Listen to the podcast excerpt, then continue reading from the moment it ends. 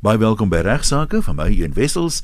My geleerde vriend Ignas Kleinsmid sit oudergewoonte oorkant my, maar ek sien hy het nog 'n geleerde vriend saamgebring vandag. Ja, Ian, goeiemôre luisteraars. Ons het so rukkie terug die geleentheid gehad om te luister na uh, meneer Graham Paulsen oor bankreg en mynreg en ons het beloof hy gaan weer met ons kom gesels in bietjie meer detail en vandag gaan ons bietjie praat oor die myn en minerale reg. Nou, julle sal onthou dat uh, hy's 'n uh, maatie daar by die Universiteit Stellenbosch, die LLB gedoen. Hy was ook vir baie baie jare lank 'n baie prominente prokureur en 'n baie bekende prokureur in Pretoria by 'n baie bekende firma Rood en Wessels. Daar het hy gepraktiseer in kommersiële reg, bankreg, mynreg en uh, hy's ware spesialis op hierdie gebied. Is ook allerlei ander kommersiële regte wat hy gedoen het. Hy het ook 'n hoër diploma in belastingreg, LLM in bank en beursreg en uh, tans praktiseer hy onder sy eie naam onder die naam Paulsen in vennootskap met sy seun hier in Woodmead Johannesburg. So baie hartlik welkom weer aan jou Graham. Baie dankie dat jy weer bereid was om ons te kom gesels. Goeiemôre luisteraars en Igna en een. Dit is my plesier om hier te wees. En ek vertrou ek kan 'n bydrae maak tot julle program. Graham, as uh, jy met al jou ervaring en jou kennis nie 'n bydrae kan maak, jy weet ek. nee. Uh jy praat ook oor iets wat vir baie van ons 'n uh, werklike vreemde gebied van die reg is omdat daar baie min prokureurs in Suid-Afrika is wat werklik hierin spesialiseer. Uh, ek wil begin deur te vra hoe vergelyk die huidige myne minerale regte met die posisie wat voor die huidige wet uh, was wat bekend staan as die Mineral and Petroleum Law of South Africa wat sedert die 1 Mei in werking getree het. So kom ons kyk eers wat was die posisie voor 1 Mei 2004 met betrekking tot die eiendomsreg van minerale. Die situasie Igna was dat as jy die eienaar is van grond en die mineraal was nie geskei van die grond deur middel van 'n sessie nie, dan was jy ook die eienaar van die minerale. En dan het uh, daar 'n beginsel gegeld in die uh, in die sakereg wat bekend gestaan of bekend geraak het as die heaven to hell rule. Dit beteken alles bokant toe tot by die hemel en alles onderkant toe tot by die hel behoort aan die eienaar van die oppervlakte. En maar uh, maar ja. dit kon geskei geword het deur middel van 'n sessie, né? Nee? So 'n eienaar van die oppervlakte het die voorreg gehad om 'n deel van sy hy kon minerale verkoop. Nou as dit gebeur het, dan is die mineraal geskei van die oppervlakte by wyse van 'n sessie en dan is daar eh, 'n uh, botsing tussen die belang van die mineraalreghebende en die belang van die oppervlakte eienaar. Dan kyk daar was sekere minerale soos jy sê wat verkoop kon word voor 2004. Anders soos ek uh, soos jy weet goud was kon jy nie verkoop het nie, maar wat is die definisie van minerale net in 'n nette dop? Kyk jy het 'n periodieke tabel as jy nou onthou uh, uit jou wetenskap daar uit vir die wat die gewone wetenskap op skool gehad het, het jy 'n periodieke tabel. Ek sien toe towens hulle hulle doen dit nou by die skole al hier in staat 5. En dan verduidelik hulle vir jou die minerale en hy begin heel bo by antimoon en hy eindig hier onder by zirconium. Jy weet ek kan nie eers al die goed onthou nie behalwe dat ek kan weet dat daar was gesag wat gesê het sand is 'n mineraal en dit was taamlik opskudding verwek so 20 30 jaar terug en almal het gesê sand kan nie 'n mineraal wees nie maar nou kry jy al verskillende soorte sand jy kry 'n silikon 'n bousand en jy kry 'n pleistersand en jy kry jy weet allerlei verskillende soorte ek dink daar is 4 soorte so wat 'n mineraal is, is 'n ding wat jy moet gaan bepaal van daai periodieke tabel af, maar hulle ontdek nog steeds nuwe minerale. Dit is waar ja. 'n Interessante een net om hier by te voeg. Jy kry 'n ding wat hulle noem seldsame aarde. Seldsame aarde word deesdae gebruik in alle elektroniese toerusting om koel te hou omdat hy 'n hoë smeltpunt het. Hy smelt Ek het gedink hy se erf met die see uitsig. nee, nee, nie heeltemal nie. Hy kom in baie klein hoeveelhede voor waar jy fosfaat ook kry. En onder die fosfaat, as jy jou hele proses deurgegaan het om fosfaat uit te haal, dan gooi hulle die gips weg. In daai gips is hierdie seldsame aarde en hy is baie baie geld werd. Al hierdie elektroniese toerusting, selfone, telefoon, moet alles as jy hom klaar gebruik het, moet jy hom eintlik teruggee en ek dink Ja, hulle betaal jy vir daai goed want hulle haal weer daai seldsame aarde ja. uit. So dit 'n mineraal is 'n ding wat steeds ontdek word. Graham, kom ons praat bietjie oor prospekteerpermitte. Wat was die posisie voor 2004? Wel, ek dink voor 2004 het jy nog steeds 'n prospekteerpermit gekry destyds by die direkteur-generaal uh van minerale sake en energie sake, dan het jy daai prospekteer permit gekry, dan gaan jy na die eienaar toe en sê kyk, ek is die ek het 'n prospekteer permit, ek mag prospekteer.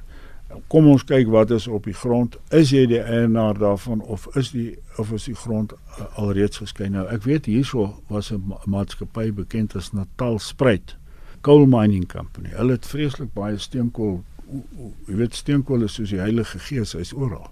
Jy kan gaan kyk waar jy wil, jy Lepalale, van daar af lê steenkool tot in Botswana. Jy gaan kyk in die Vrystaat, steenkool Kroonstad oral. Jy kry hom op die Hoëveld, Arnot, Carolina, Ermelo, al daai plekke waar jy hoë reënval het en waar jy hoë mielieproduksie kry, is daar steenkool. So jy het hierdie botsing van belange tussen die oppervlakte eienaar en die houer van die mineraal. Nou daai minerale onder daai steenkool lê nog platinum. En hy loop reg deur tot in die Bosveld kompleks wat jy kry by Palaborwa byvoorbeeld. Ja, ja, ja. Daai hele wêreld tot by Rustenburg, tot by Klerksdorp eintlik. So die minerale wat jy daar kry is altyd 'n groot bate. Soms is dit jou grootste bate en soms as jy die oppervlakte vernietig om by die mineraal te kom, hang dit af met watter myn jy werk en wie agter daai myn sit.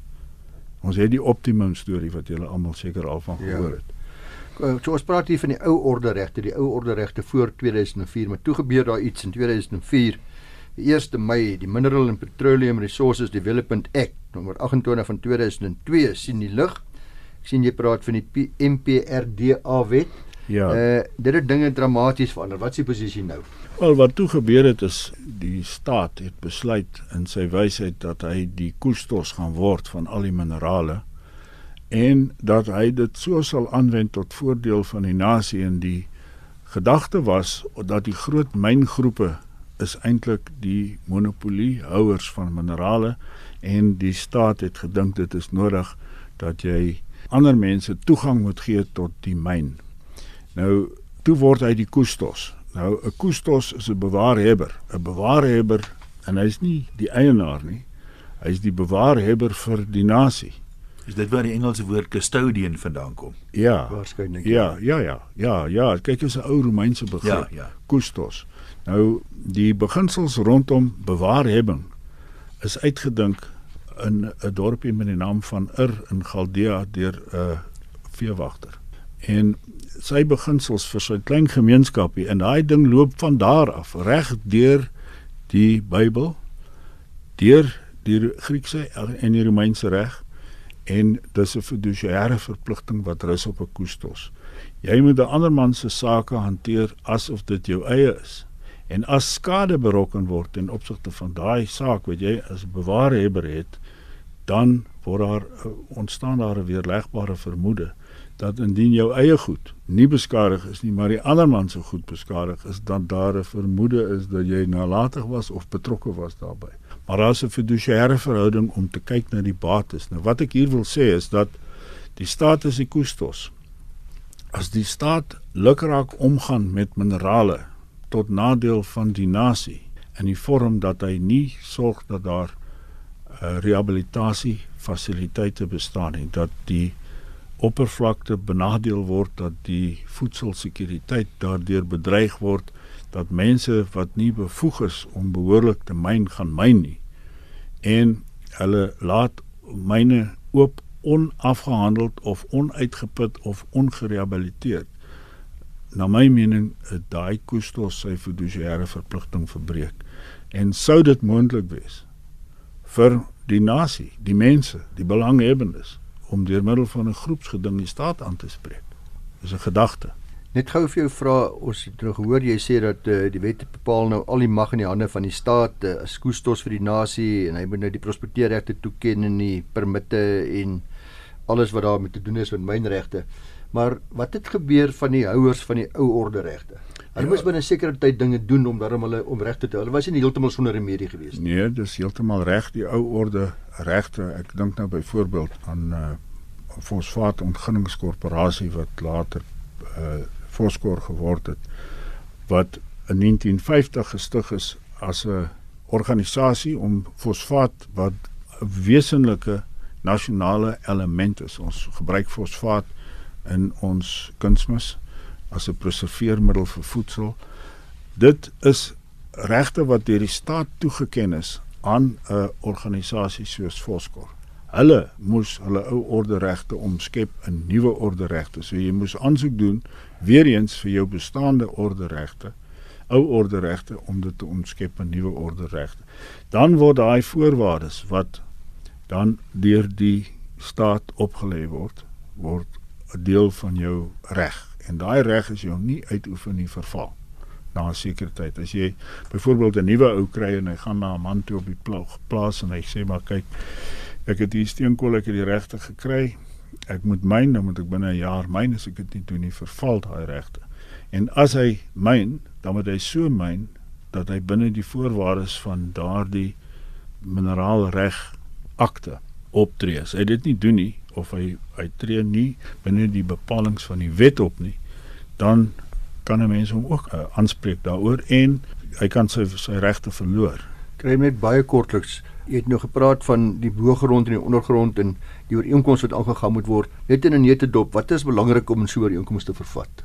Die, die ek, ek weet die bureregse beginsel speel ook waarskynlik 'n rol daar. Baie groot rol. Jy weet as jy onthou daar was 'n baie ou saak van uh, Malherbe teen Ceres munisipaliteit waar ek dink dit was 'n regter Feigen nog gesê het daar moet verdraagsaamheid wees tussen bure en daai saak het dit gegaan oor die afkap van takke wat oor sy eiendom gehang het van deur die stadsraad. Toe sê hy maar saag af die takke, maar hou die bome. Ja. Nou in hierdie geval uh, waar jy nou maar inkom iemand prospekteer. Daar's 'n bepaling dat hy die reg om op jou eiendom te kom of jy nou die eienaar daarvan is of nie en jy weet die absolute eiendomsreg word hierop inbreuk gemaak.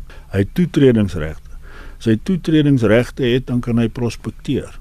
As hy prospekteer en hy maak skade, dan moet jy 'n ooreenkoms sluit. Dit hang af waar en wat die omstandighede is. As dit 'n land is, byvoorbeeld 'n mielieland, dan moet hy prospekteer op 'n tydstip wanneer dit nie jou plante gaan doodmaak nie, wanneer dit jou nie skade gemaak nie en as hy dit nie kan doen nie met hy 'n vergoedingsklausule bevat. So mens behoort 'n ooreenkoms op te stel wat die elemente van die wet bevat, maar ook die elemente van die oppervlakte eienaar deeglik beskerm en in gedagte hou die beginsels van buurreg waar jy verdraagsaam moet wees, maar daar moet altyd 'n vergoedingsbepaling wees. Ja.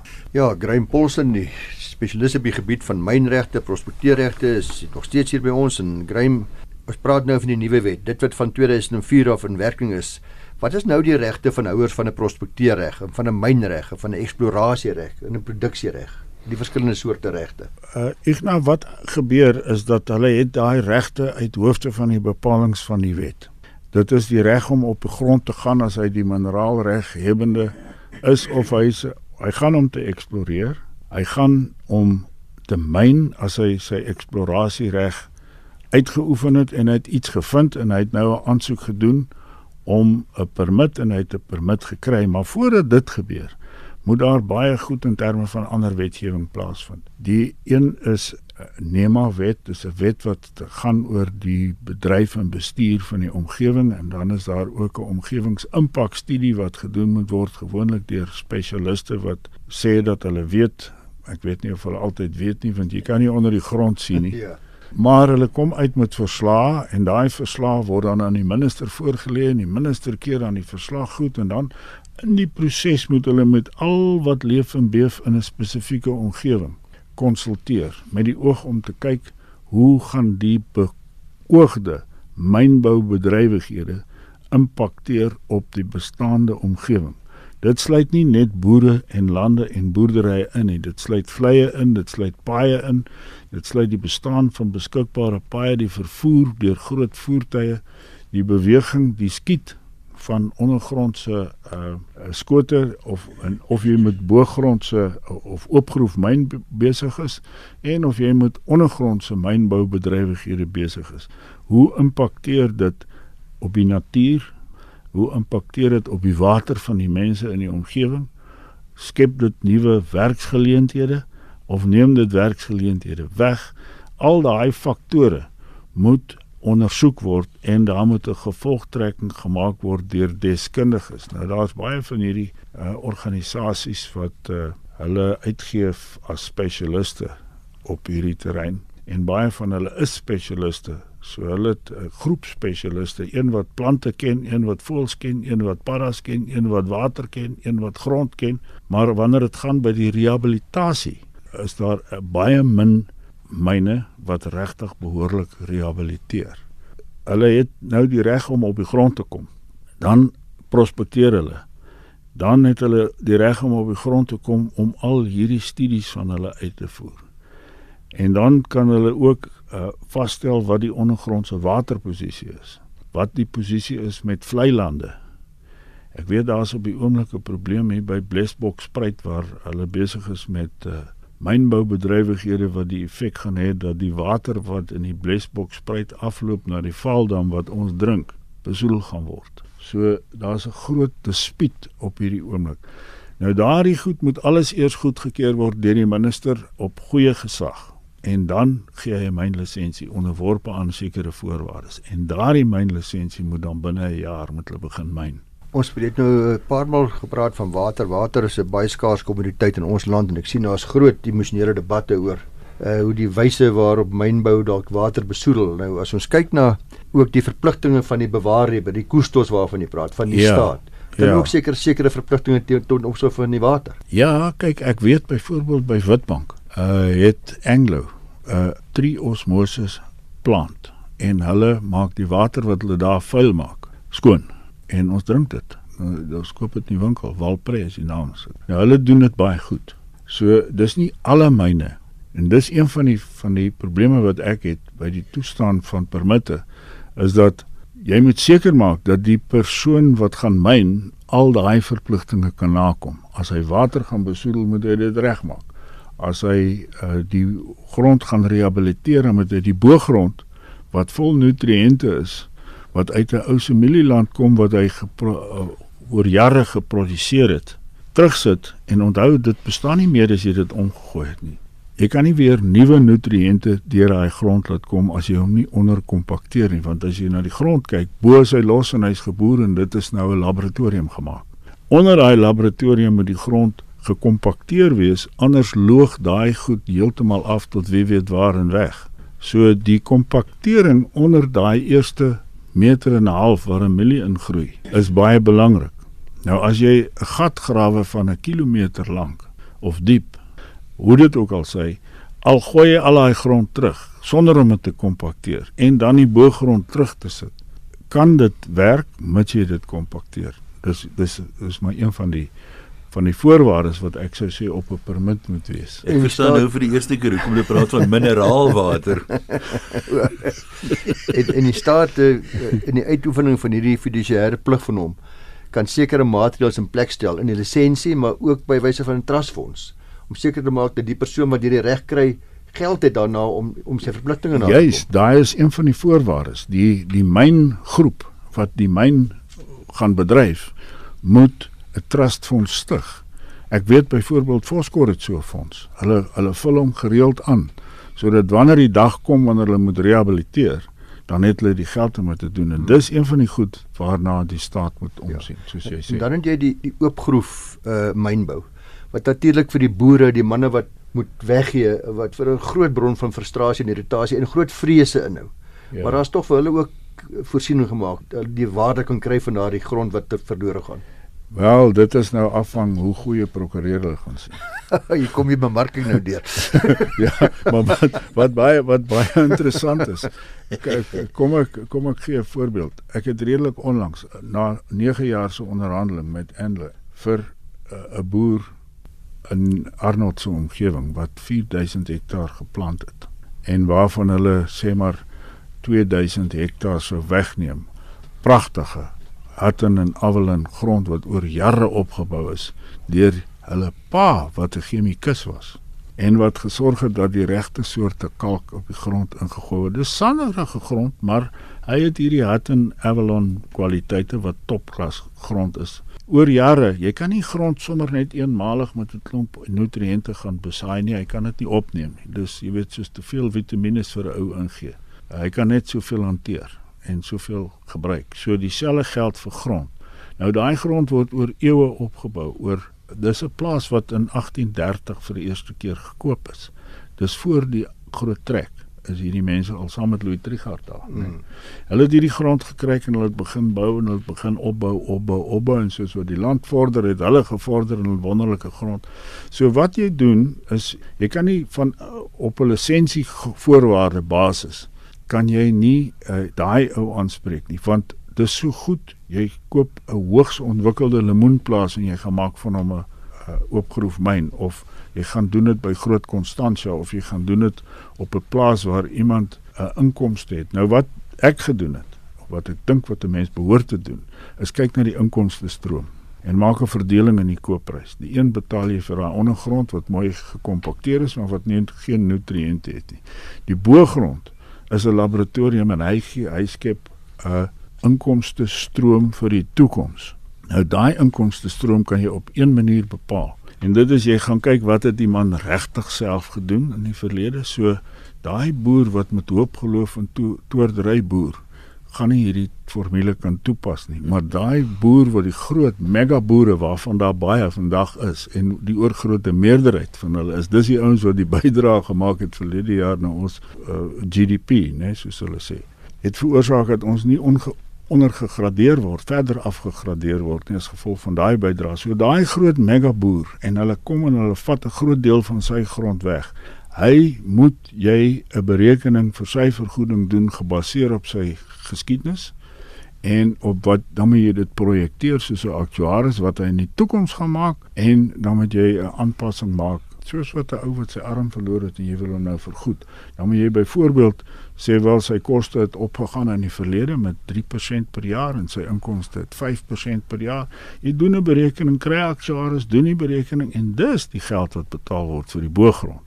Vir die ondergrond kan jy per hektaar bepaal, maar jy kan nooit hierdie mense per hektaar vergoed by wyse van vergelykbare transaksies soos ons onder die ou onteieningswet gewerk ja. het, want dis nie behoorlike vergoeding nie. Graham, ons het baie baie min tyd oor 'n laaste vraagie oor hierdie dinge. Kyk, jy het nou vir ons so baie mooi verduidelik wat die MPRDA wetgewing sê, hoe die waterwet ook daar by 'n uh, eh, soort tot 'n sekere mate deur hierdie wet en die waterwet self gewysig is en eintlik ja. nie meer bestaan nie.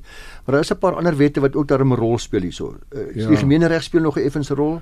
Uh, speel soos baie die soort van dinge speel 'n rol hier. Ja, kyk as jy administratiewe besluit neem, dis die administratief reg soos jy sal onthou uh Igna is as amptenaar 'n administratiewe handeling pleeg deur 'n besluit te neem. En hy neem daai besluit op 'n lukraak manier. Dan gaan kyk jy na die bepalinge van PAIA. PAIA is eintlik 'n kodifisering van al die gevalle waarop jy 'n hersieningsaansoek kan doen maar dit gaan net oor administratiewe handelings wat deur die staatsamptenare of 'n amptenaar binne in die staatsdepartement of 'n staatsorgaan gepleeg word. Dit gaan nie terug na die gewone hersieningsgronde wat maar eintlik ook daarin vervat is. Jy sal onthou daar was 'n ou saak Tront en die ring van Wellington wat eintlik uiteengesit het regter Jansen nog het uiteengesit uh, watter gronde jy kan gebruik as jy enige beslissing op hersiening wil neem. So die beslissing van die kerkraad kan jy nie onder paia op hersiening neem nie. Ja, ja. Maar jy kan wel uh die beslissing van 'n staatsorgaan onder paia op hersiening neem. 'n Gewone vereniging se beslissing sou jy moet teruggaan na die gemeeneregte. Maar jy kan leiding kry by wat in Paya staan. Dit is 'n poging daar's 'n saak Batu Star as ek reg onthou waar hulle eintlik gesê het wat hierdie gronde vir hersiening aanbetref word dit gekodifiseer uh, in daardie daardie wet Paya se wet. Is daar enige bewyse van korrupsie uh, by die grondbreking stories in die Karoo. Jy weet daai hele debat daar.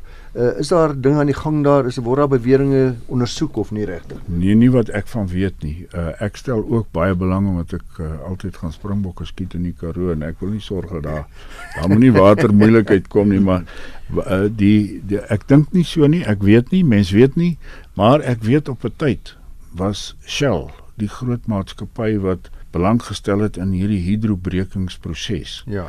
Ek kan nie ek kan nie so, daai Jy is bewus van enige groepsgedinge wat oorweeg word as gevolg van moontlike korrupsie wat plaasvind dit nie. Kyk, 'n groepsgeding sou altyd kon bestaan of jy nou uh korrupsie kan bewys of nie. maar 'n groepsgeding sou jy steeds kon bestaan as jy kan bewys Jy weet wat se vereistes vir 'n groepsgeding jy met jou besonderhede van vordering opstel soos wat jy 'n dagvaarding sou opstel en jy moet dit by jou aansoek indien wanneer jy aansoek doen om verlof om 'n groepsgeding in te stel. Daar moet dus 'n gemeenregtelike of 'n statutêre oortreding wees wat jy kan beweer wat jou geregtig maak op die verligting wat jy in jou besonderhede van vordering sou wil ja. vra. So Baie dankie Graham luisteraars se uh, Graham Paulson is onder andere sy firma vir baie jare opgetree vir die uh, Reservebank. Hy's 'n bankregspesialis en hy was so gaaf om te sê hy gaan oor 2 weke weer met ons kom gesels. Dit sal die 17de September wees.